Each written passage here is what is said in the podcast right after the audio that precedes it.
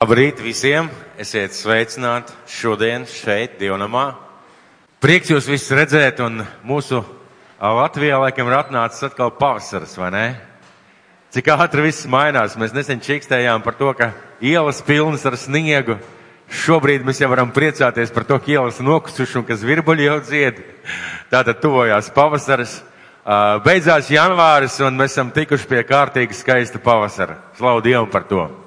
Mazāk jāmaksā par apkuri, mazāk jādomā par siltiem apaviem, mazāk varbūt siltāk jāģērbjās, paldies Dievam, un eh, paldies Dievam par katru lietu, par katru situāciju, ko Dievs pieļauj mūsu dzīvē, piedzīvot, redzēt, izbaudīt.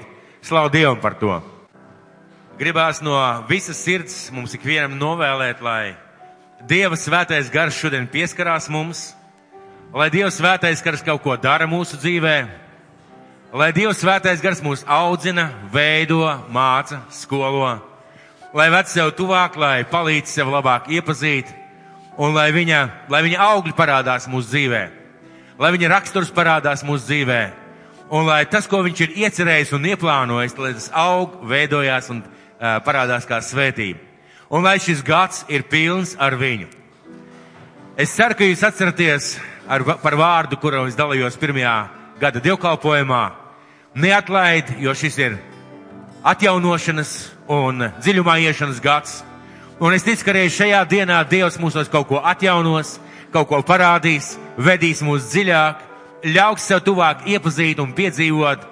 Un ja vien mums ir atvērta prāts, ja vien mums ir atvērta sirds, es ticu, tas piepildīsies. Vai kāds varētu pateikt āmen? Vai mēs esam atnākuši kaut ko saņemt šodien no Dieva? Droši vien, viennozīmīgi. Paldies Dievam, ka šodien varam būt šeit. Un uh, tieši tā kā es arī teicu pašā dievkalpojuma sākumā, uh, mums vajadzētu nākt uz dievkalpojumu vēlētos, kaut, vēloties kaut ko piedzīvot. Un ļoti bieži vien cilvēki nenāk uz dievkalpojumiem, neapmeklē savu draugu dievkalpojumu vienu iemeslu dēļ. Viņiem ir sajūta, ka būs kā vienmēr, būs kā parasti. Un kā kāds mācītājs teica, viņš, viņam bija diskusija ar draugu locekļiem, kur teica, es mājās noskatos internetā. Uh, man, man mājās labāki dievkalpojumi, tur Benijs Hins un kas tur vēl. Un viņš saka, un zini ko, mīļais draugs, šis mācītājs teica tiem cilvēkiem, viņš saka, zini ko, mīļais draugs, tev var gadīties vienreiz redzēt satriecošu dievkalpojumu pa internetu. Tu sēdēsi mājās, skatīsies, un tu skatīsies, kā svētais gars paņem draudz uz debesīm. Un zini, kur tu paliksi? Tu paliksi mājās. Jo tajā laikā tev bija jābūt draudzē. Un uh, man gribētos teikt līdzīgi, ka bieži vien cilvēki nenāk uz dievkalpojumiem viena apsvērumu dēļ, būs kā parasti. Uh, nekas jau tur nebūs, un uh, tā ir tāda bīstama pozīcija, mīļie, tāpēc, ka Dievs ir spējīgs runāt caur ēzeli. Iedomājieties, caur ēzeli. Spēja iedomāties, ēzelis iet pa ceļu un sāk runāt. Mums Bībele parāda šādu piemēru, pareizi. Uh, mācītājs nav līdzīgs ēzelim. Reizēm mums gribās viņu varbūt tā nosaukt, pareizi. Daži tā, tā, tā, to tā arī dara, bet uh, Dievs spējīgs runāt arī caur mācītāju. Ziniet, kāpēc? Tāpēc, ka uh, Dievs redz mūsu nepilnības un viņš lieto tos trauks, kas ļaujās, lai, lai Dievs viņus lieto. Tāpēc domāsim par to, ko mēs šodien dzirdam, klausamies, un es gribētu, lai mēs tiešām dzirdētu. Un šī gada, tas vārds, ko Dievs mums deva šī gada sākumā, uh, ir neatlaid, neatlaid, jo šis ir uh, atjaunošanas un dziļumā došanās gads. Un es šodien gribētu runāt par ļoti svarīgu Dieva valstības un Dieva īpašību mīlestību. Par ļoti svarīgu mīlestību, Dieva īpašību mīlestību. Un es gribu sākt šo gadu, ja tā pateikt, teikt, nobeigt pirmo mēnesi ar vārdu par mīlestību. Un vārds, ar, ar kur es dalīšos, tā arī sauksies mīlestības četras izpausmes, jeb audzējošā mīlestība. Mīlestības četras izpausmes, jeb audzējošā mīlestība. Ja es tagad jums pajautātu, kā jūs varētu definēt mīlestību? Kas ir mīlestība? Definīcijas būtu ļoti, ļoti dažādas. Pareizi? Tiem, kas tic dieviem, dievam būtu viena, viena definīcija, tiem, kas pustic, tiem būtu otra definīcija, tiem, kas netic, tiem būtu trešā definīcija, tiem, kuri ir piedzīvojuši, būtu ceturtā definīcija, tie, par ko, kuri par to ir domājuši, būtu piektā, sestā un tāpat 25. Bet es šodien gribētu runāt par šīm četriem mīlestības izpausmēm, un es par to esmu diezgan daudz domājis. diezgan daudz domājis, skatoties uz sevi, skatoties uz cilvēkiem, lasot Bībeli, domājot par to, un esmu ieraudzījis, ka mums ir ļoti svarīgi to saprast, kā Dievs izpauž savu mīlestību. Kā mēs izpaužam, par to mēs runāsim, bet arī kā Dievs izpauž, mums ir jāiepazīst un jāsaprot. Un gribētu es sākt ar Jāņa evaņģēlī 4. nodaļu, 9. 10. pants. Jāņa, Jāņa pirmā vēstules atvainojos, Jāņa pirmā vēstule, 4. nodaļa, 9. un 10. pants. Un kamēr jūs meklējat, es gribētu pateikt milzīgi paldies tiem cilvēkiem, kas par mani lūdz. Vēl ceturtdienu vakarā man bija 37 un 8 temperatūra, piekdien man bija 37 un 7 un, un sestdien man bija 36 un 6. Dievs vienkārši pārdabiskā veidā mani piecēla. Paldies Dievam un paldies par, par jums, ka jūs lūdzāt par mani tiešām. Un, man jāsaka, tā tas bija, tā, tas bija tiešām pārdabiski. Jā. Jo tā tam nevajadzēja pēc, no, pēc noteikumiem būt. Un šodien man īstenībā, īstenībā nevajadzēja šeit atrasties. Bet man liekas, ka jūs ļoti gribējāt dzirdēt par četriem mīlestības veidiem. Pareizi? Ļoti gribējāt. Tāpēc arī jūs tā stipri lūdzāt. Paldies jums. Un lasīsim Jāņa pirmo vēstuli, ceturto nodaļu, sākot ar devīto un desmito pantu redzama kļuvusi ir Dieva mīlestība mūsu starpā. Dievam savu vienpiedzimušo dēlu sūtot pasaulē, lai mēs dzīvotu caur viņu. Un redzama ir kļūst Dieva mīlestība. Tātad mīlestību var redzēt. Šī ir tā mīlestība, nevis kā mēs esam mīlējuši Dievu, bet kā Viņš mūs mīlējis un sūtījis savu dēlu mūsu grēku izpirkšanai. Un Dievs saka, šī ir tā mīlestība, nevis kā mēs esam mīlējuši Dievu, bet ka Viņš mūs ir mīlējis un sūtījis savu dēlu mūsu grēku izpirkšanai. Un šodien es gribētu runāt par to, ka Dieva valstība ir reālāka par reālu. Dieva valstība ir reālāka par reālu. Vai tu vari iekniept sev rokā? Iekniept sev rokā. Tu jūti kaut ko, ka tas iekniept sev rokā, pareizi? Ja tu iekniebi kaimiņam, tā nevajadzēja darīt. Bet, ja tu iekniebi sev rokā, tu sajūti, ka tev sāp. Tikpat reāli un vēl reālāk ir Dieva valstība. Ir Dieva valstība tā reālāk par reālo. Un uh, daudzās draudzēs Dievu valstība un daudziem cilvēkiem Dievu valstība ir tikai teorija un tās ir bēdas. Tās ir bēdas tiem cilvēkiem, tas ir bēdas tām draudzēm, tas ir bēdas tiem cilvēkiem, jeb tām konfesijām, kuriem Dievu valstība ir tāda teoloģiski garīga spriedelēšana par lietām, kas nekad nav notikušas. Es dzirdēju kādu nesen teologu cenšoties savā grāmatā apgalvot, ka Jēzus Kristus otrā atnākšana jau ir atnāk, notikusi. Tad Jēzus jau otrais ir atnācis, un mēs dzīvojam tajā laikā un izbaudam no Jēzus valstību. Tātad Dieva valstība ir realitāte, un to, to mums ir jāsaskarās, un ar to mums ir jārēķinās, mums ir jāzina. Un mums jāzina, ka cilvēkiem iekšā ir tukšums. Cilvēkam iekšā ir tukšums, kas sauc pēc kaut kāda piepildījuma. Un Dievu, cilvēks ir tendēts meklēt Dievu. Padomāsim par tādu vienkāršu lietu. Iedomājieties, pasaulē ir tik daudz tautu, tautību, dažādu novirzienu, dažādu etnogrāfisku grupu, un visām grupām mēs varam atrast vienu kopēju lietu. Visas cilvēku tautas, grupas un, un ciltis vienmēr ir meklējuši Dievu. Dažādos veidos mēģinājuši piedzīvot ar kokiem, dzīvniekiem, dažādi, bet pats par sevi fakts, ka cilvēki ir meklējuši Dievu. Tas nozīmē, ka šī Dieva valstības vajadzība mums ir iekšā kopš dzimšanas, un tas ir tas, ka mēs meklējam Dievu, mums ir vajadzīgs Dievs. Otra lieta, kas liecina par to, ka Dieva valstība ir reāla daba, daba mums apkārt. Tikai man gribētos teikt, tiešām ne, ne, Ne tā pavisam dziļi un nopietni domājošs cilvēks varētu apgalvot, ka viss ir radies no lielās sprādziena. Iedomājies, tev mājās ir hauss. Pieņemsim, tavā darbnīcā, tavā garažā ir hauss.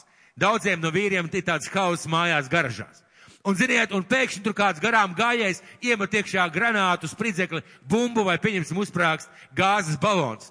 Un šī sprādziena rezultātā rodās superjaudīgs Harley Davidson. Ziniet, ar visām ekstrām, ar visām elektroniskām ierīcēm. Vai jums spēja to iedomāties? Protams, nē.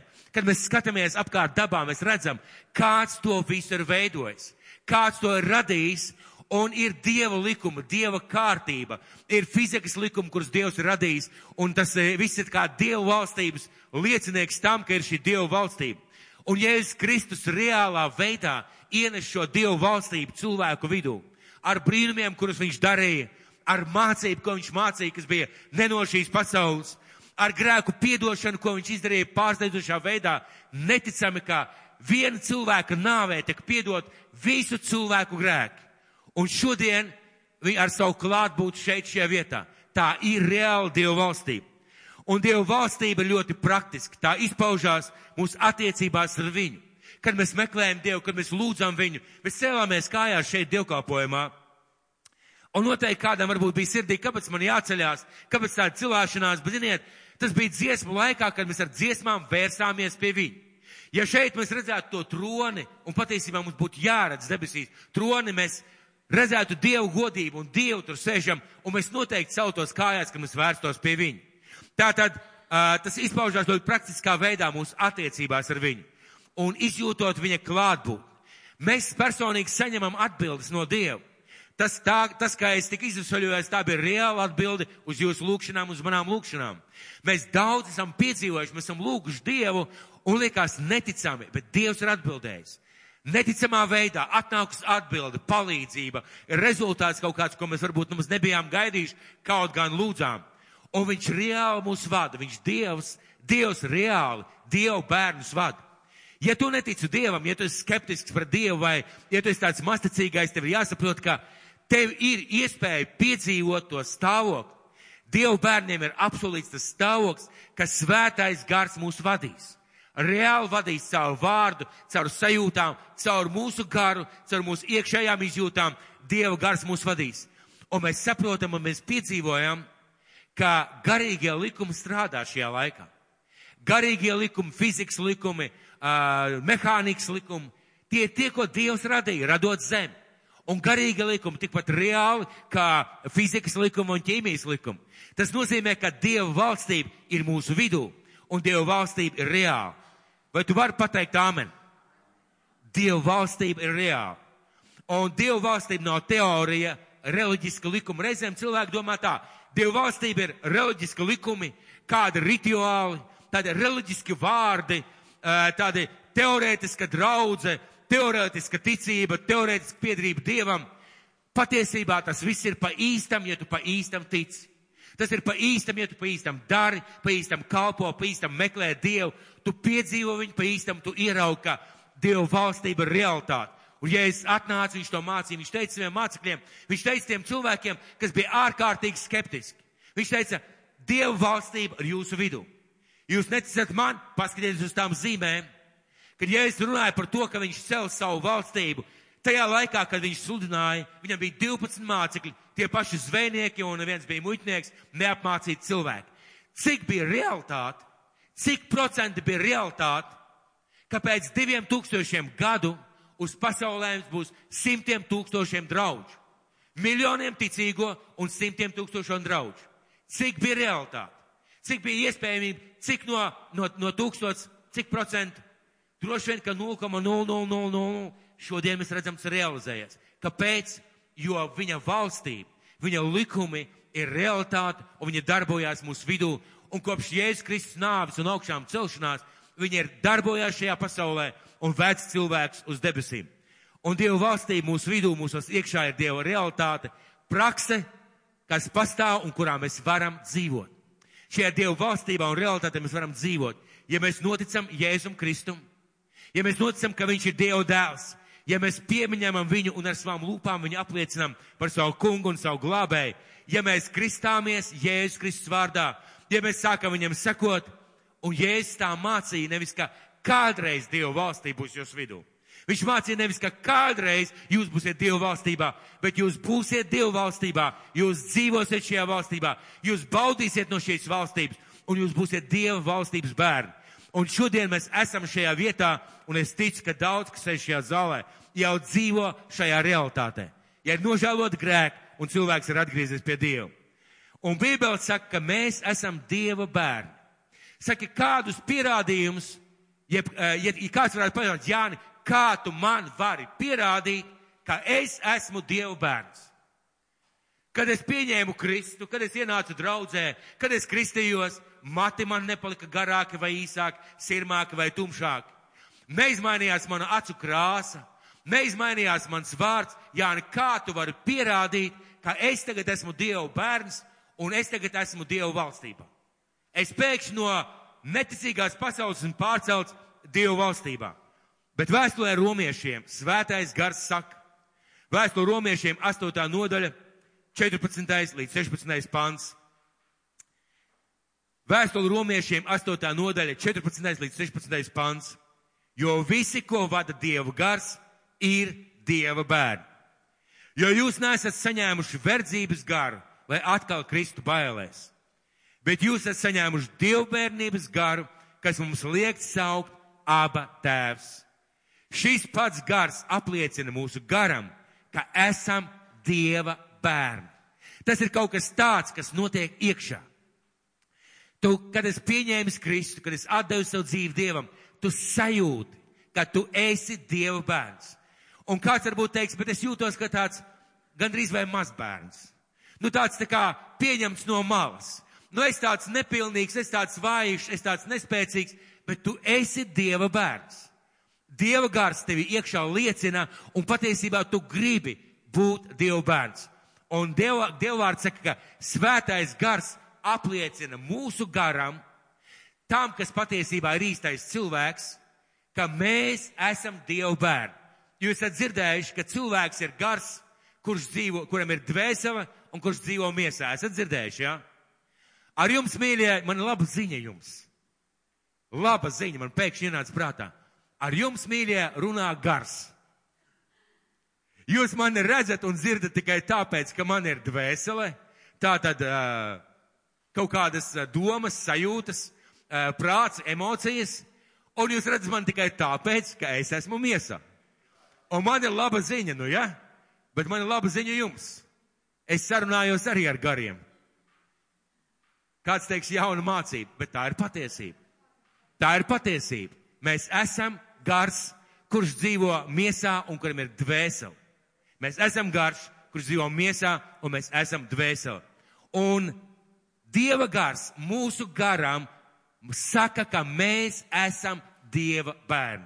Mēs esam Dieva bērni. Ja nu Dieva bērni, 17. pants, ja nu Dieva bērni, tad arī mantinieki, Dieva mantinieki un Kristus līdzmantinieki. Mēs esam Dieva bērni, mēs esam mantinieki un Kristus līdzmantinieki. Tas nozīmē, ka mēs esam mantinieki tai valstībai, kurai Jēzus ir, ir, ir vadītājs. Mēs esam mantinieki un līdzmantinieki Dieva reālai valstībai.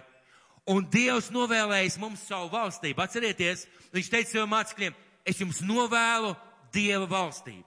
Es jums novēlu šo valstību, un jūs dzīvosiet šajā valstībā un mēs varam dzīvot reāli šajā valstībā. Un Dievs savā valstībā ar saviem bērniem darbojas tikai caur mīlestību un ar mīlestību. Dievs savā valstībā darbojas uz bērniem tikai ar mīlestību un tikai caur mīlestību. Kāpēc? Kā jūs domājat, kāpēc? Kāpēc? Jo Dievs ir mīlestība. Jo Dievs ir mīlestība. Viņš savādāk nemaz nedara. Viņš savādāk nerīkojas, viņš rīkojas aiz mīlestības un mīlestībā. Un šajā pašā Jāņa pirmajā vēsturē rakstīts, kas nemīl, nav Dievu iepazinis. Jo, kad tu iepazīstu Dievu, tu vienkārši nevari nemīlēt Dievu un tu nevari nemīlēt cilvēkus. Tātad Dievs ir mīlestība un viņš visu dara mīlestībā. Tātad vēlreiz atgriezīsimies pie tādām pamatiem. Mēs esam Dievu bērni. Un visa draudze teica, un visa draudze teica, Āmen! Dievs mūs mīl, un viņam priekš mums ir vislabākie nodomi. Tā ir taisnība. Un visa draudze teica, Āmen! Dievs darbojās mūsu dzīvē ar mīlestību, Āmen! Un mācīs vienam otru mīlēt, kā viņš mūs ir mīlējis. Pareizi, Āmen! Pareizi! Bet kā mēs saprotam mīlestību? Un šeit sākās izaicinošā daļa. Kā mēs saprotam mīlestību, kādā mums būtu jāprāt vienam otram? Kā mīlestība izpaužās, No tā ir atkarīgs, ko es gaidu un ko es dodu.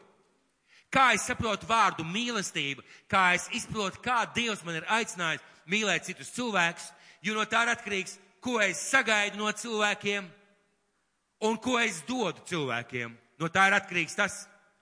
Eh, sakiet lūdzu, vai mīlestība ir sentimentāli vārdi, apskāvieni, vienmēr smaids, sirsnīgs rokas spiediens, neko nenozīmojuši, mīļā māsa, mīļais brāli, vai tā ir tikai ārēja forma, kas tikai izdevā emocionāli manām vajadzībām? Es šodien gribētu nedaudz, nedaudz uh, piezemināt to nepareizo mīlestības izpratni, kas ir kristīgajās draudzēs ienākus.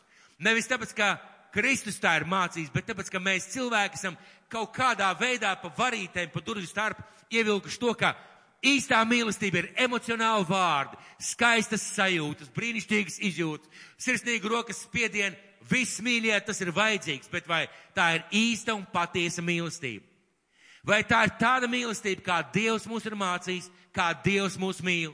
Un vai tas ir viss, ko mēs varam izdarīt? Kad es dzirdu cilvēku sakam draudzēs, mūsu draudzē trūkst mīlestības. Esat dzirdējuši, mūsu draudzēs trūkst mīlestības. Paši esat teikuši pareizi, un visi teica āmen. Paši esat teikuši. Jūs to teicāt, jūs to teicāt. Kad es dzirdu šos vārdus, ka mūsu draudzēs trūks mīlestība, man ir divi jautājumi. Divi jautājumi. Pirmais jautājums. Pirmais jautājums. Ja trūks mīlestības, kur tu esi? Ja trūks mīlestības, kur tu esi? Kur tad ir tava mīlestība? Viņa vispār neeksistē? Vai viņa ir tik minimāla, ka tev vispār nav ko dot? Tad pirmais jautājums. Ja trūks mīlestības, kur tu esi? Jo tu taču saproti, ka ka, ja tu sāc dot, tu sāc dzīvot mīlestībā. Vismaz man personīgi nekad nav bijis sajūta, ka mūsu draudzē trūkst mīlestības. Un nevis tāpēc, ka visi nāk man spiež, spiež rokas, saka, Jāni, tu tik esi čalgs. Tu tik esi labs mācītājs. Viena iemesla dēļ. Viena iemesla dēļ. Tāpēc, ka tad, kad tu centies cilvēkiem dot, tu jau dzīvo mīlestībā. Vai jūs atceraties ļoti sentimentālu, bet, manuprāt, lielisku dziesmu, ar kur uzvarēja uh, divi brāļi, divi brāļi daudz gadus atpakaļ uh, mikrofona aptaujā. Uzsniedza sniedziņš balts. Ziniet, kāpēc šī dziesma uzvarēja? Tāpēc, ka viņa atbildēja uz daudzu cilvēku tādām sirds saucienu. Cilvēki ilgojās pēc mīlestības un mīlestību viņš šajā pasaulē nesaņēma. Un tad sanāca kopā divi brāļi un uzrakstīja dziesmu, uh, ja tevi nemīl neviens, tev taču ir ko mīlēt. Vienmēr aiz pasaules šīs vajag siltu plaukstu. Viens no viņiem, manuprāt, tomēr ir kristietis. Esmu dzirdējis tādas baumas, ka viņi ir kristietis. Un šī dziesma varētu būt arī patiesi kristīga satura un patiesi kristīga nozīme. Tātad pirmais jautājums, ja, tev, ja tu saki, ka nav mīlestības, jautājums, kur tu esi, kur tu atrodies. Un otrā lieta, ko tu ar to domā? Ja mēs sakām, ka nav mīlestības, ko es ar to, to domāju? Un visbiežāk mēs domājam šo sentimentālo, šo salkano, šo vienkāršo, tik lēti izpaužamo rokas spiedienu, maigu, ieejājošu, iežūžojošu tādu ārēju izpausmi un gribas, gribētu šodien šo mīlestības teoriju gāzt no troņa. Man ļoti gribētu šodien šo mīlestības teoriju gāzt no troņa. Un ja tu gaidi to un tikai to, man tev jāsarūktina. Tā nav patiesa mīlestība, tas ir kaut kas vienkāršs, ērts, lēti pielietojams, bet tā nav patiesa mīlestība. Un vēlreiz atgriezīsimies pie tā, ka mēs esam Dievu bērni. Ka mēs esam Dievu bērni. Skatieties, ar ko es sāku. Redzama ir kļuvusi Dieva mīlestība, savu vienpiedzimušo dēlu sūtot pasaulē. Tātad tie nebija tikai Dieva vārdi. Tas nebija tikai labā mācība. Kristus atstāja debesu godību iztukšoja sevi, kā Bībele saka, atstāja to Dieva varenību spožumu, bez problēmu dzīvi tur debesīs, nonāca šeit uz zemes, kļuva par cilvēku, pie kam nevis kaut kādu bagātnieku vai augšmanu, bet par vienkāršu cilvēku, galvnieku, kādu vienkāršu cilvēku dēlu. Un Bībele tā saka, ka būdams cilvēku kārtā, viņš iztukšoja sevi, pazemodamies līdz pat nāvei, līdz pat krusta nāvei. Tas nozīmē, ka īsta patiesa mīlestība nav vārdi. Nav problēmas ar apskāvieniem, nav problēmas ar maigiem vārdiem, nav problēmas ar rokas spiedienu, ne par to ir runa. Runa ir par to, ka mēs vērtējam, vai draudzē ir mīlestība vai nav mīlestība. Vai tas cilvēks mani mīl vai nemīl tieši no šī viedokļa. Un tas ir pilnīgi nepareizi, un tas ir zināmā mērā pret, pretrunā ar Bībeli. Mēs nonācām pie tā, ka mēs esam Dievu bērni. Bet ziniet, jūs esat Dievu bērni. Jūs esat Dievu bērni. Esat pareizi. Bet ziniet ko? Dievam ir dažādi bērni. Dieva ģimenē ir dažādi bērni. Ir piemēram zīdaiņi, ir bērni, bērna vecumā, ir jaunieši, un ir dievu vīri un dievu sievas. Dievu valstībā dievam ir dažādi bērni. Jautājums ir, un es ceru, ka jūs tagad sākat jau to kaut ko nojaust, kādi dievu bērni mēs esam kurā līmenī un kā Dievs mums parāda savu mīlestību. Un tas, ka ir šie augumi, tas, ka ir dažādi augumi, mēs varam ieraudzīt Pāvela pirmā vēstule korintiešiem 13. nodaļā. 13. nodaļa, par ko ir rakstīta visa? Ināra zina par mīlestību, pareizi. Un tagad skatieties. Pāvils raksta par mīlestību un atklāja, kas ir mīlestība, bet 11. pants, kad biju bērns, Es runāju kā bērns. Man bija bērna tieksmes un bērna prāts. Bet, kad kļuvu vīrs, tad atmetu bērna dabu. Pāvils raksta par to, ka ir dažādi stāvokļi dievā. Tie visi ir dievu bērni, bet ir dažādi stāvokļi dievā. Dievs mīl visus cilvēkus vienod, vienādi un ar bezgalīgu mīlestību. Bet mīlestības izpausmes ir ļoti dažādas, mīļie. Bet mīlestības izpausmes ir ļoti dažādas. Uh, un atcerēsimies, ka Dievs mums vienmēr dod to, kas mums tajā mirklī visvairāk ir vajadzīgs. Viņš grib, lai mēs augam. Un atcerēsimies, darīs visu iespējamo, lai mēs augam. Kāpēc? Jo Dievs mūs mīl. Te gan jūs varētu teikt āmeni, pareizi. Un paskatīsimies tā nedaudz caur cilvēku piemēru. Nedaudz ar cilvēku piemēru par šo mīlestību, kā mēs izpaužam, kā mēs reaģējam uz mīlestību, ko mēs sagaidām. Ziniet, tēvam bērni būs visu mūžu bērni, jūs ziniet, jā? Ja? Tētim var būs 90 gadi, un viņam bērni vienalga būs bērni. Un veca padomju laika līdzība saka, veca padomju laika līdzība saka, to jūs varat pierakstīt, ka vecākiem bērni jāapgādā, līdz bērni sasniedz 60 gadu vecumu. Esat dzirdējuši? ja?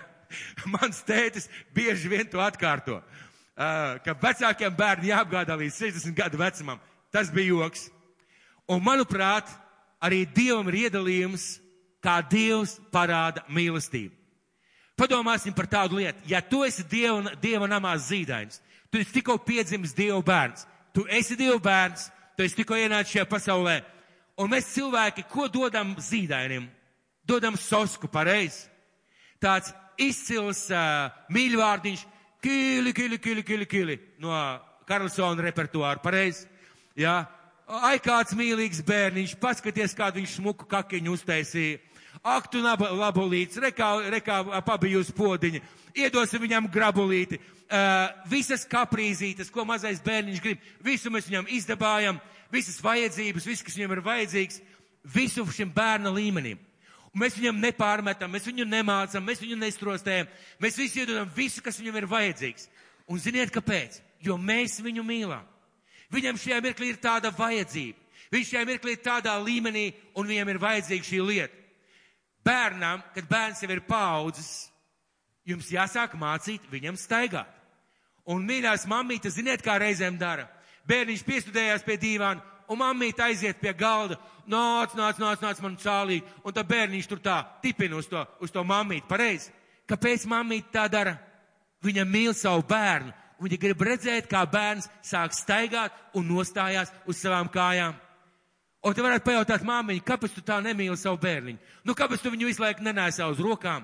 Kāpēc tu visu laiku neizdabā viņam? Un skatieties, kas tālāk mēs sākam šo bērnu veidot, mēs sākam mācīt, kas ir labs, kas ir slikts, sākam mācīt vārdu, viņu nedrīkst, reizēm uzšaujam pa pirkstiņiem, reizēm sakam, nu, nu, nu, dažādas māmas dara, un nedodam visu, ko viņš grib. Ir kādreiz gadījies redzēt bērnus veikalā? grozā divi kinderi un viena šokolāde. Bet tur stāv vēl. Māmīt, man šito. Un gudra māmīt saka, nē, nē, nē, paldies, mums jau pietiek. Mums jau ir, ai, kā man vajag, un bērns krīt zemē un spārdās, un reizē viņu vienkārši ieliek ratos un kā tādu ceļojumu maisiņu aizstum, stum cauri kasei. Un māma to nedara, ko bērns grib. Un varētu pajautāt, kāpēc tu tā neizdabā savam bērniņam, ja tu viņu mīli? Jo māma saprot, bērnam jau tā ir padaudz saldumu. Ja tā ir padaudz, jau tā ir parādīta mīlestība. Un eh, lai kā mums gribētos vai negribētos, ziniet, kad bērni visvairāk raud? Kad viņi sāk vest uz bērndārs. Jaunās meitenes jums ir patīkams pārsteigums, kad jums būs bērni, mammai sāp sirds, mamma nāk no bērndārs, bērns noraudājis, mammīt gribu mājās, un uh, katrs rīts ir kā cīņas lauks, un asaras plūst, sviedri plūst, bet jūs vedat uz bērndārs bērnu. Kāpēc? Jūs gribat redzēt, kā viņš aug, kā viņš attīstās, kā viņš veidojās. Un tad ir skolas gaitas. Es atceros savu pirmo skolas dienu. Es nemaz nebiju priecīgs. Es būtu labprāt dzīvojis vēl joprojām pie mammas un pie tēta, skraidījis pa ielu, spēlējis indiāņus. Man bija labi. Un mani aizved uz skolu, un tur sākās jāraksta strīpiņas, jāraksta jautājumi, jāsāk mācīties rēķināt. Un kur bija vecāku mīlestība? Tā jā, ka mani veda uz skolu. Tad mēs vedam bērnus uz skolu. Tiek nopirkts ritenis, un tad sākās kritieni, klupieni, un tad tētis iestum, tad ir jābaidās, ka atkal tu nokritīsi un jāķerās. Kā māc bērnus peldēt, jūs ziniet, jā? Ja? Viens otrs gudrs tētis ieved bērnu ūdeni, nekas, nekas, tu jau mācies, tev jau izdosies, tur rokas apakšā un vienā mirkli pašā rokas nost. Un tas bērniņš bum zem ūdens, bet viņš iemācās ķeproties. Es, ja nemaldos, mani tieši tā arī mācīja.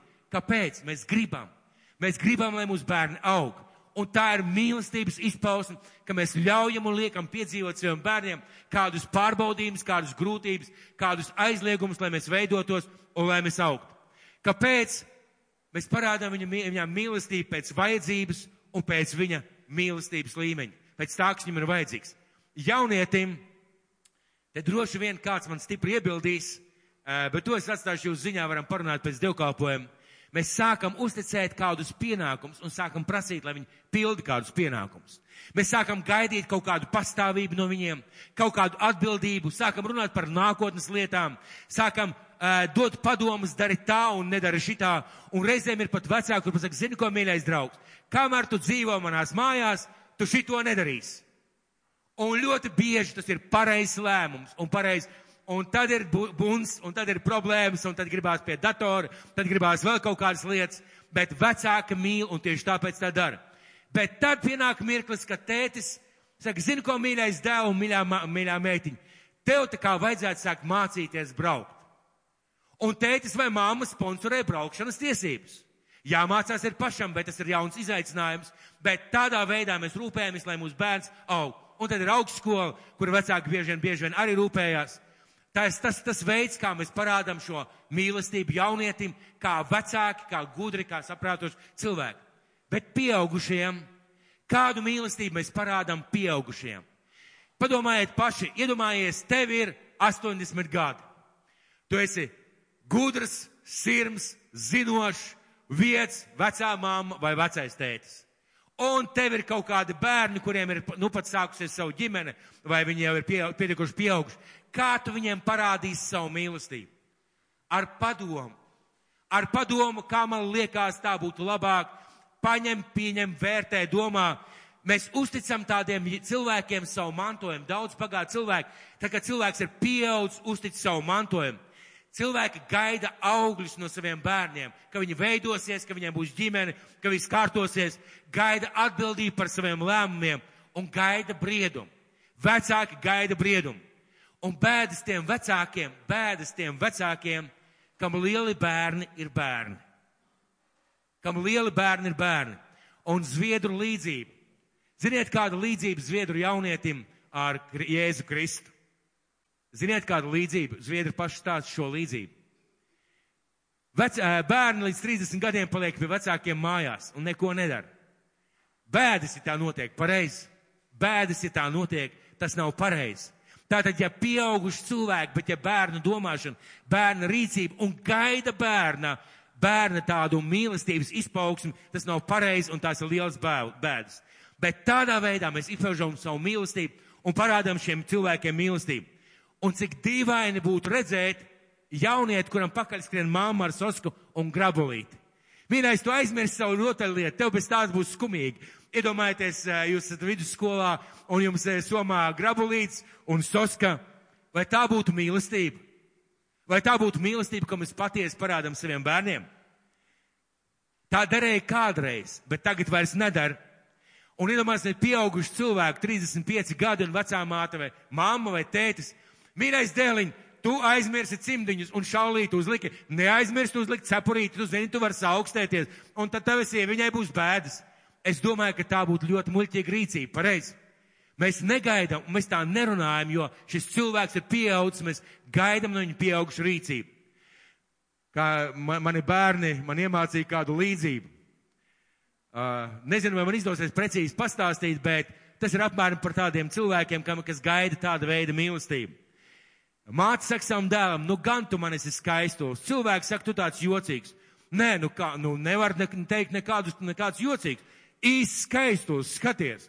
Krekliņš biksītēs, biksītas, biksītas kurp, zeķītēs, zeķītas zandalītēs, nu īsti skaistulis.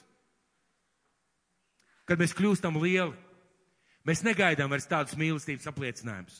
Mēs negaidām, ka tādā veidā pret mums izturēsies. Mēs negaidām, ka tādā veidā cilvēki pret mums rīkosies. Un, eh, kad mēs kļūstam pieauguši, mēs gaidām, mēs gaidām, ka pret mums izturēs kā pret pieaugušiem cilvēkiem, ka mīlestība būs pieauguša cilvēka līmenī ar padomu, ar gudrību, ar varbūt pamācību, ar aizrādījumu, ka, mēs, ka pret mums būs tā kā pieaugušiem cilvēkiem. Un nevar būt tāda situācija, kad uh, kāds cilvēks kļūdās, uh, ka teica un māma saka, viss būs labi. Teica par visu nokārtos, visu samaksās. Teica, tavā vietā nopelnīs naudu, viņš sēž dēls mājās. Uh, kad priekšnieks uh, sarāja vai izdara no darba, nekas, es, es iešu tavā vietā iesniegšu sūdzību vai, piemēram, vai mans dēliņ, tev gan slikta sieva gadījās, nekas, šito, šito šķiries, atradīsim citu, citu sievu. Tas būtu muļķīgi, tas būtu neloģiski, tas būtu nepareizi. Bet šāda rīcība dara mazam bērnam, šāda rīcība dara zīdainim, šāda rīcība vēl kaut kur dara pusaudzim vai jaunietim, bet pieaugušiem nedrīkst. Vai tā būtu mīlestība, ko mēs parādām cilvēkiem, tādā veidā rīkojoties? Noteikti nē. Vai tas nāktu par labu? Noteikti nē. Un manuprāt, tā rīkojās arī Dievs. Manuprāt, tā rīkojās arī Dievs atbilstoši mūsu vecumam. Un viņš ar savu mīlestību mūs strādā un spiež mūs augt. Kad cilvēks tikko piedzimis Dieva ģimenē, Dievs viņam kā zīdainim dod piedošanu. Vai esat pamanījuši kādreiz, cik viegli, cik viegli cilvēka dzīvē atnāk grēku piedošana? Tur būtu sastrādājis zilus, zaļus brīnumus, tev pietiek vienkārši nomesties ceļos vai nostāties Dievu priekš, teiks, debes tēvs piedod. Piedod man visu, kas nav bijis pareizi. Piedod man manus grēkus. Un tev grēku nas tiek noņemt, tu sajūties atvieglots cik vienkārši atnāk atbildes maziem Dievu bērniem uz viņu vajadzībām. Es kādreiz esmu domājis, kāpēc man tā veicās pirmajā gadā pēc tam, kad es atdevu Dievam savu dzīvi. Viss kārtojās, viss notika, viss veicās, bija, protams, kādas grūtības, bet mēs daudz esam pamanījuši pareizi. Jo tajā laikā tu esi zīdainis, tu esi mazs bērns, vienkārši tev viss notiek, un tajā laikā man bija ļoti vajadzīgi, ka es atnācu uz draugu, ka man kāds paspied roku, pateica, Jāni, es priecājos redzēt tevi draudzē. Tu šodien labi izskaties. Vai tu šodien mums kaut ko pastāstīs, kaut ko pateiks? Tas man bija vajadzīgs kā mazam bērnam, un tas ir vajadzīgs mazam bērnam. Kad uh, bērns pieaug, Dievs māca savam bērnam nostāties uz kājām, atteikties no kādām lietām, pielaiž kādus kārdinājumus, lai cilvēks kļūst uz spējīgs nostāties un pastāvēt. Kad Dievs, kad cilvēks sasniedz tādu jauniešu briedumu Dievu valstībā, Dievs māca atbildību, Dievs māca ieguldīties Dievu darbā. Dievs māca augt, māca uzvarēt grūtības un māca panest arī sodu, kad Dievs reizēm soda. Bet no pieauguša cilvēka Dievs gaida atbildību. No pieauguša Dieva vīra Dievs gaida atbildību un dzīvi pēc Dieva vārda. Dievs gaida dziļumu, dziļas lietas no šī cilvēka, stabilitāti un Dievs gaida augsts. Un Dievs gaida augsts. Un ar, ar tādu tēva smaidu, ja tā varētu teikt, vēro mūsu darbus un priecājas par savu bērnu. Un eh, es kādreiz esmu dalījies šeit draudzē ar kādu atklāsmi, ko māsa kādreiz bija redzējusi Kāda kāda māsa bija kādreiz redzējusi, un es gribētu ar viņu padalīties. Kāda māsa redzēja sapnī trīs cilvēkus. Viņa redzēja trīs cilvēkus, un katram šim cilvēkam bija atsevišķa status vai stāvoklis vai tas, kā Dievs bija pie viņa. Un viņa teica, viņa redzēja pirmo cilvēku, un šis pirmais cilvēks bija tāds, kuru Jēzus bija tā ļoti cieši apskāvis, nu burtiski tā apņēmis, un šis cilvēks laimīgs smaidīja. Tad viņa redzēja otru cilvēku šajā atklāsmē, un otrs cilvēks bija tāds, kuram Jēzus stāvēja blakus, bija uzlicis roku uz pleca. Un tad viņa redzēja trešo cilvēku, un šis trešais cilvēks stāvēja viens pats, un Jēzus stāvēja pa gabalu. Jēzus stāvēja, skatījās un smaidīja.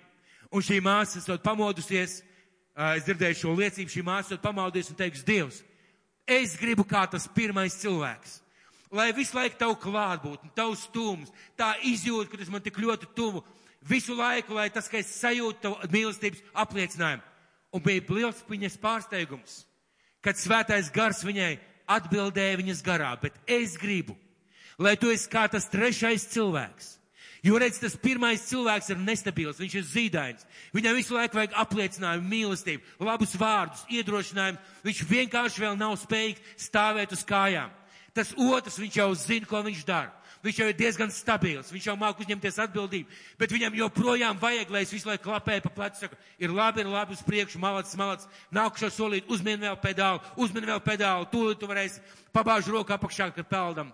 Un Dievs teica, es gribu, lai tu būtu kā šis trešais cilvēks. Es stāvu un vēroju, kā tu stingri stāvi Dieva valstībā, kā dara Dieva lietas, un ka tu stāvi tā, kā tam tev ir jāstāv. Kāpēc es par to runāju? Jo mēs, es atkal gribu atgriezties pie tās idejas vai tās domas, mēs ļoti bieži liekam uzsvaru draudzē uz šo pirmo, jeb cilvēcisko, jeb vienkāršo zīdaiņa mīlestību. Piedodiet, bet nav mums vienam otram jāsaka, vai, Jāni, kā tu šodien labi izskaties. Prieks tevi redzēt. Cik labi, ka tu esi atnācis draudzē. Ak, cik jauki. Mēs pat kā būsim kopā. Nav vajadzīgs vienmēr mani pasveicināt. Neiet runa par to, ka nevajag. Nē, mīļie. Jūs saprotiet pareizi, kad mēs runājam par mīlestību. Mēs ārkārtīgi bieži domājam tieši šo līmeni. Draudzē nav mīlestības, visi nesasveicinājās. Draudzē nav mīlestības, visi nesmaid. Draudzē nav mīlestības, visi nav tādi aleluja. Draudzē nav mīlestības, viss nav tā, kā man gribētos. Bet tajā pašā laikā tu neredzi, ko Dievs dara šiem cilvēkiem un ko cilvēki dara savā dzīvē, lai, lai svētītu tevi.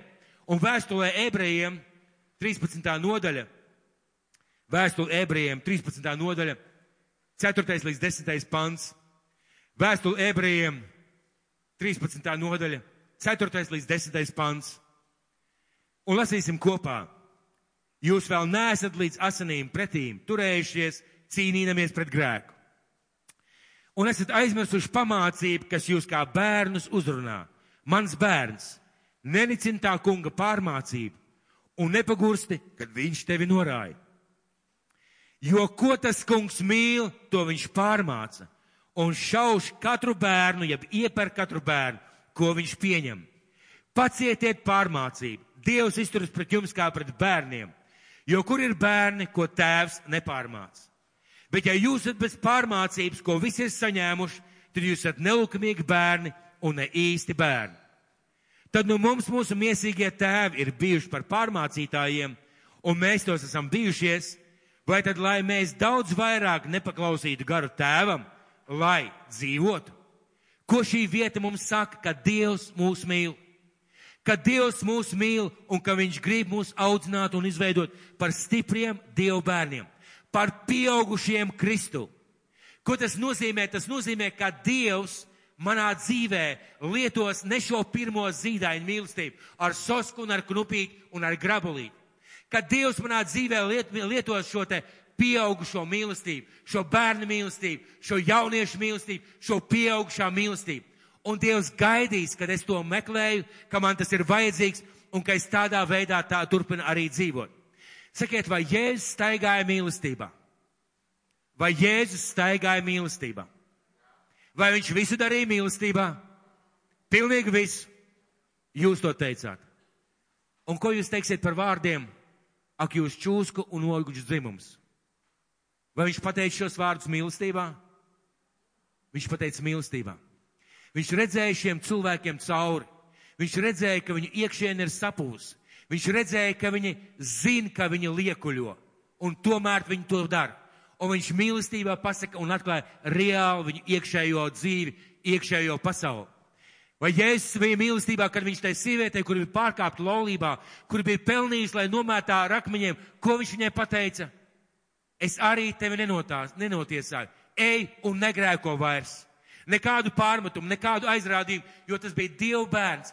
Vienkārši, vienkārši cilvēks, kurš tikko varbūt vispār sāk saprast par Dieva valstības lietām. Tajā pašā laikā paskatieties, ko viņš izdara templī divas reizes. Divas reizes templī viņš uztaisa pātagu un izdzen visu sārā. Vai tā bija mīlestība? Tā bija mīlestība. Sakiet lūdzu, vai, ja kāds tev pasaka, ka tu melo, vai kāds tev pasaka, ka tu kalpo, bet bez augļiem, vai ja kāds tev pasaka, mīļais draugs, tev vajadzētu mainīt attieksmi, tev vajadzētu darīt savādāk, vai tā ir mīlestība, ja tā ir patiesība? Tā ir mīlestība. Bet nevajag mūsu dzīvē ir tā, ka mēs vienmēr gaidam, ka mums pa spalvai, ka vienmēr tiem labie vārdi, vienmēr tā soska un vienmēr, vienmēr tas knupīts un tas grabulīts. Bet ja es gribu būt pieaudzis, man ir jārēķinās, ka mani mīlēs kā pieauguši cilvēki, ka savu mīlestību Dievs arī caur cilvēkiem uz mani parādīs kā uz pieaugušu cilvēku. Un tas nozīmē tikai to, ka man ir jāmācās, jāklausās un jāpieņem. Un paskatieties uz Pēteru. Pēters bija viņa mīļotais māceklis. Jā, jā, rakstīts, ka Jēzus mīlēja Jānu visvairāk, Jānis mīlēja visvairāk Jēzus, bet Pēters bija tas cilvēks, kam Dievs, kam, kam Jēzus uzticēja savu draugu. Nākošais draugs, pirmais mācītājs un bīskaps. Un ko viņš pasaka tajā mirklī, kad, kad Pēters grib izdabāt cilvēkiem, un šeit cilvēciskajai dabai viņš saka, Sātan atkāpies, tu man esi par apgrēcību. Es domāju, ka pēc tādiem vārdiem mēs daudz aiziet no draudzes, pareizi. Mani nosauca šitādā vārdā. Tu vispār zini, ko šis vārds nozīmē. Tu vispār saproti, ka tu ko tu manā dzīvē tikko atraisīji. Bet ļoti bieži mēs savā dzīvē ļaujam, lai vēlns diktē mūsu dzīves noteikumus. Mēs ļaujam, lai vēlns kaut ko mums dara, mums māca vai stāst. Un Jēzus nekautrējās. Viņš nekautrējās mīlēt cilvēkus ar pieaugušu cilvēku mīlestību. Jēzus neteica Pēterim sātā atkāpēt pirmajā dienā, kad viņam bija jautājumi. To viņš pateica pēc trīs gadiem, neilgi pirms savas nāves. Jēzus neteica cilvēkiem tādas skarbas, nopietnas lietas, tad, kad viņi bija tikko atnākuši pie Dieva. Viņš teica viņiem šīs lietas, tad, kad viņi bija dzirdējuši, sapratuši, un ka viņiem bija jābūt jau pieaugušiem. Kad mēs lasām Bībelē un kādās vēstulēs, Pāvils raksta, jums jau vajadzēja iest ēst cietu barību, bet jums atkal vajag pienu. Ko Pāvils saka? Jums jau vajadzēja stipri stāvēt Dievu vārdā. Jums jau vajadzēja pieņemt to mīlestības formu, ko Dievs jums kā pieaugušiem piedāvā. Jums pašiem vajadzēja izpaust savu mīlestību pret brāļiem un māsām tādā pieaugušā, nobriedušā formā. Bet jums joprojām vajag pienu, jums joprojām vajag sosku, jums joprojām vajag grabulī. Un Dievs nekādā veidā tā nevēl, nevēlas. Kāpēc mēs par to runājam? Un kā mēs saprotam šo mīlestību? Ja Dievs tā dara, kāpēc mēs gaidām no cilvēkiem, no mācītājiem, no draudzēm tieši šo bērnišķīgo cilvēcisko mīlestību. Kāpēc mēs gaidām tieši šo? Kāpēc mēs koncentrējamies uz šiem apsveicieniem, apskāvieniem, mīlestības pilniem vārdiem? Vēlreiz atkārtoju, tie ir vajadzīgi. Tas ir vajadzīgs, jo bieži vien no sirds pilnības mūte runā. Bet, mīļie, padomāsim par to, kas mēs esam un kur mēs esam. Un uh, mums nevajadzētu gaidīt šo Aijā žūžu bērns kā lācis.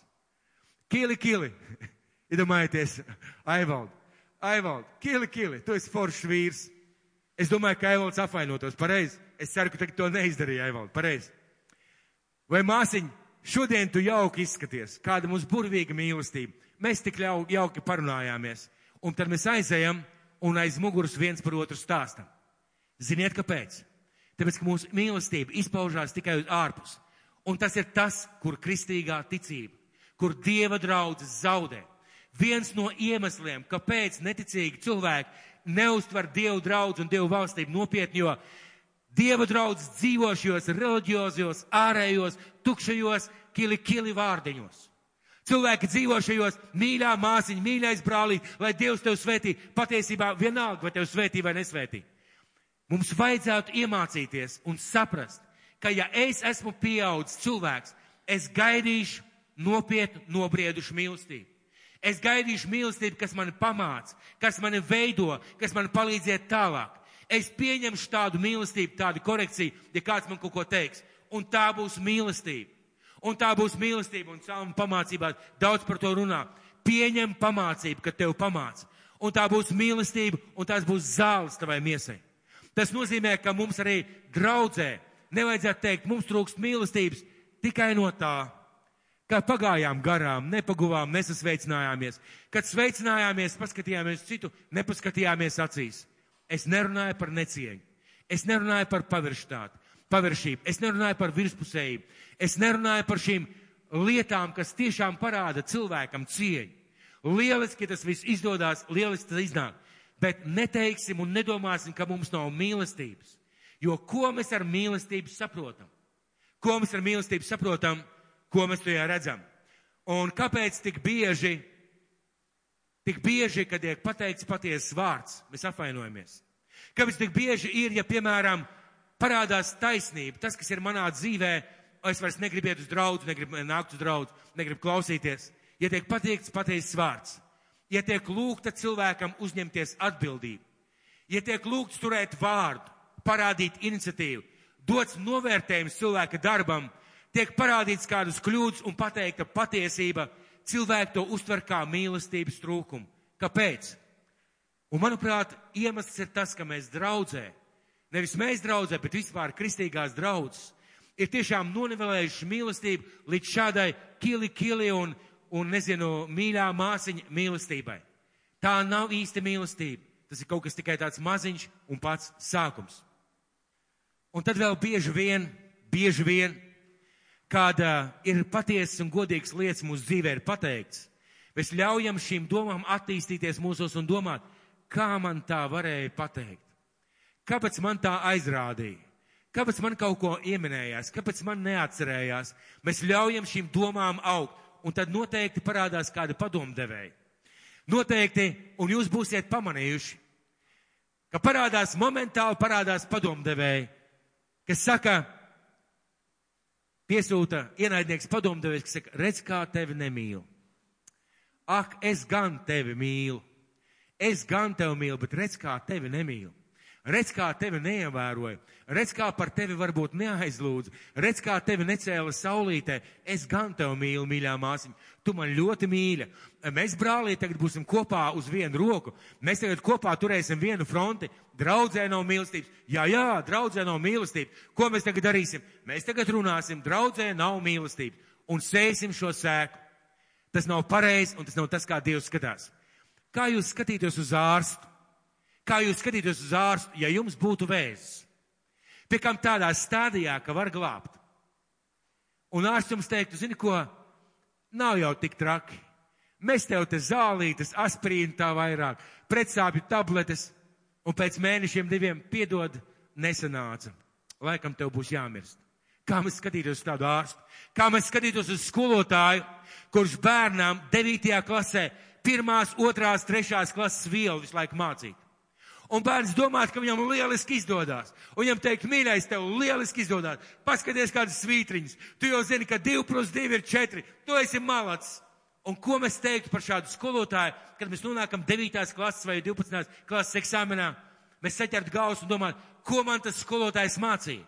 Patiesi mīlošs skolotājs, patiesi mīlošs treneris, patiesi mīlošs kristietis dos tavā dzīvē tādas mīlestības izpausmes, kas palīdzēs tev augt un kas audzēs tevi, kas palīdzēs tev kļūt stiprākam, drošākam, varošākam. Tā ir īsta mīlestība. Nē, ja tu esi zīdainis, protams, tev dos tikai pienu. Protams, tev dos sosku un kili kili un tādas lietas un ājā žūžu dziesmiņu. Bet ja tu esi pieaudzis, ja tu gribi pieaugt, tev jāsaprot, ka tev jāiet tālāk, ka tev jāmācās uzņemties atbildību un jāmācās ieklausīties vārdos, ko tev saka brāļu mās mīlestībā un reizēm arī mācītājs. Sakiet, vai sliņķim pateikt, tu esi sliņķis, vai tā ir mīlestība? Un tā kā mums pateikt, tu esi sliņķis, kā mēs uztvert, tev trūkst mīlestības, brāl. Jo tavā balsī, zini, tas vārdiņš eļļa nebija izlocīts vajadzīgajā maigumā. Un tāpēc es sapratu, ka tu mani nemīli. Kā tu varēji pateikt, ka es esmu sliņķis? Vai, piemēram, pateikt, ka tu nenes augļus savā dzīvē? Ka nav redzami garīgi augļi, garīgs briedums. Kā nav redzams briedums? Es katru svētdienu piefiksēju, es sēžu šajā krēslā. Es, es, es, es, esmu, es esmu draudzējis šad un tad, un reizēm es pat kaut ko arī, arī lūdzu kopā ar visiem pārējiem. Kā nav garīgi augi? Kā manā kalpošanā nav garīgi augi? Vai pateikt, ka tavā dzīve nenes augļus? Vai tā ir mīlestība, vai tā nav mīlestība? Tā ir mīlestība vieniem dēļ, jo tu gribi nest augļus, un tev mīl, un tādā veidā to pateikt. Vai tā ir mīlestība? Tā ir mīlestība. Un tāpēc, sākot šo gadu, jeb šo otro mēnesi, sapratīsim pirmām kārtām, kas mēs esam. Kas mēs esam? Kas tu esi? Tu esi zīdainis, tu esi bērns, tu esi pusaudzis, vai tu jau pretendē uz to, ka tu esi pieaudzis cilvēks? Un vai mēs gribam tādu palikt? Vai mēs gribam tādu palikt? Un kāda mīlestība man ir vajadzīga? Kāda mīlestība man ir vajadzīga? Zīdaiņa, bērna, jaunieši vai pieauguši cilvēki, divi vīri vai divas sievas. Un kas ir tie cilvēki, kas mani patiesi mīl? Kas ir tie cilvēki, kas mani patiesi mīl? Vai varbūt tie ir tie cilvēki, kur vārdi man īsti nepatīk?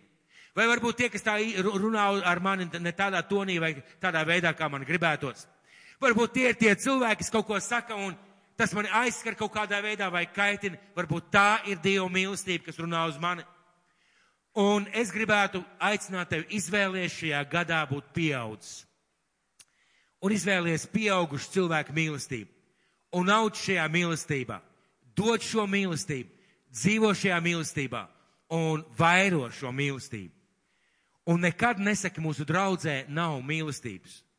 Jo tas nozīmē, ka tu sevi noliec ārpus draudzes, ārpus draudzes kā vienīgo patieso mīlestības ekspertu. Kad kā Luterāņa kāds mācītājs teica, es jau kādreiz minējis arī kādā, kādā spredķī, tad tev ir divas iespējas. Ja draudzē nav mīlestības, tev ir divas iespējas. Pirmā iespēja - kļūt par vienīgo cilvēku galaktikā, kas mīl cilvēkus un kurā ir mīlestība. Un otra iespēja - savākt savus mantiņus, doties prom no tās draudzes. Divas iespējas. Es piedāvāju trešo - audz mīlestībā saprot, kas ir patiesa mīlestība, saprot, ko māca pareizi mīlestība un saprot, ko sagaidīt no patiesas mīlestības. Un es domāju, ka mēs ar savu veselo prāprātu domājot, mēs visi izvēlotos pieaugušu cilvēku mīlestību. Tāpēc, ka tas mums ir vajadzīgs, tas mums palīdz augt. Vai Dievs tā dara? Dievs tā dara. Āmen. Vai mums tā vajadzētu darīt? Mums tā vajadzētu darīt, bet darīsim visu mīlestībā. Dabas Tēvs, es tev pateicos par tavu vārdu. Es tev pateicos, Kristu, par to, ka tu atklāji un ka tu parādi, ka tu savā mīlestībā dažādos veidos runā uz mums un mūsu dzīvē. Tēvs, mēs tev pateicamies par to zīdaini laiku, kad mēs atnācām pie tevis tavā valstībā, kad tu mūs nepārmeti, netiesāji, nesodīji, kad tu mūs nedisciplinēji, ka tu mūs vienkārši lēnām un pamazām mācīji. Mīļais kungs, mēs tev pateicamies par šiem pusauģu gadiem, par šiem bērnu gadiem, kad tu mūs stutēji uz kājām, kad tu mācīji lasīt un lūgt, kad tu mācīji uzņemties atbildību, kad tu mācīji mūs augt. Tēvs, mēs tev pateicamies, ka tu dažus no mums vēl joprojām, kā jauniešus māci, veido, skolo, dod finanses un līdzekļus, visu vajadzīgo, lai mēs augtu un veidotos. Bet, mīļais Kristu, mēs lūdzam Tēvs tava dēla Jēzus vārdā. Kungs palīdz mums augt līdz šai pilnajai vīra un sievas līmenim, līdz šai mīlestībai, ko tu vari izliet pār pieaugušiem cilvēkiem, lai mēs varam būt kā vīri un kā sievas, kas stāv tavā mīlestībā, kas izplat šo mīlestību, kas nes šo mīlestību un kuri nav tikai, tikai vārdi, bet tiešām patiesi reāli, mīlestībā darīt darbu, īsti vērtējumi, patiesi, patiesi noteikumi un patiesas lietas mūsu dzīvē. To es tev lūdzu, Tēvs, Jēzus Kristus vārdā. Amen.